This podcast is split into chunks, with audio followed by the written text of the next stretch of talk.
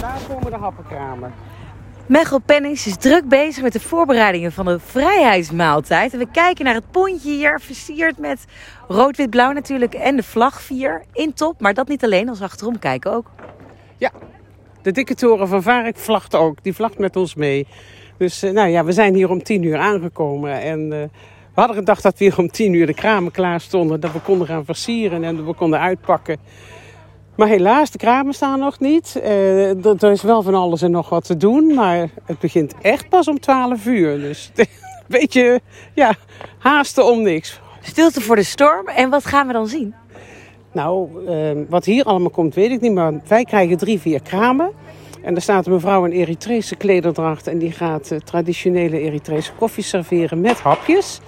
Uh, er komt ook nog een mevrouw in Indische klederdracht. En die gaat Indische lumpia's, kleintjes, gaat ze uh, serveren. En uh, iets met Indische kip. we gaan Turkse hamburgertjes bakken. En, het zal lekker geuren. Het gaat hier heerlijk ruiken. Het is de bedoeling dat de mensen op de heerlijke geuren afkomen en lekker komen smikkelen. En we serveren ook nog vrijheidssoep. En, nou ja, een vrijheidssoep, wat zit erin? Geen idee. Dat is een geheim recept en dat konden we bestellen om te serveren. Dus wij zijn zelf heel benieuwd. Dat wordt nog een verrassing. En wat doet vrijheid met u? Alleen al het feit dat we hier zo kunnen staan, dat ik vrijuit kan praten, dat we kunnen gaan en staan waar we willen. En uh, ja, als ik dan denk aan uh, wat er hier bij onze oosterburen een stukje verder gebeurt, dan denk ik, wij mogen dit echt wel vieren. Dat is gewoon een gunst, het is een, een, een, een iets heerlijks als je dat hebt. En dat besef je pas als je het om je heen ziet. Sowieso ook als je kijkt naar, uh, want wij zijn dus met dichter bij huis uh, in West-Betuwe bezig.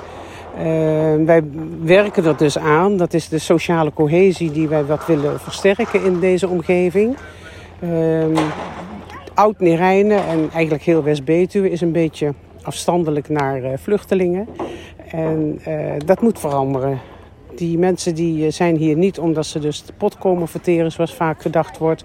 Maar die zijn hier echt omdat ze een ander leven op moeten bouwen. Alles kapot geschoten. Nou, we hebben de beelden van Oekraïne. Dat is ook gebeurd in Syrië. er zijn ook een heleboel mensen die hier komen. Omdat ze niet kunnen leven zoals ze willen. Als je bijvoorbeeld uh, gay bent. zijn er landen, daar word je opgehangen. Er zijn landen waar je, als je een andere religie hebt, niet kan zijn wie je bent. En dan loop je gevaar. En ook die mensen vind ik dat we hier met open armen moeten ontvangen. En dat wil dus niet zeggen dat we daar uh, allemaal vrienden mee moeten worden. Maar we kunnen ze wel gewoon accepteren. Uh, hun hier een nieuw bestaan op laten bouwen. En dat willen we bewerkstelligen met dichter bij huis in West-Betuwe.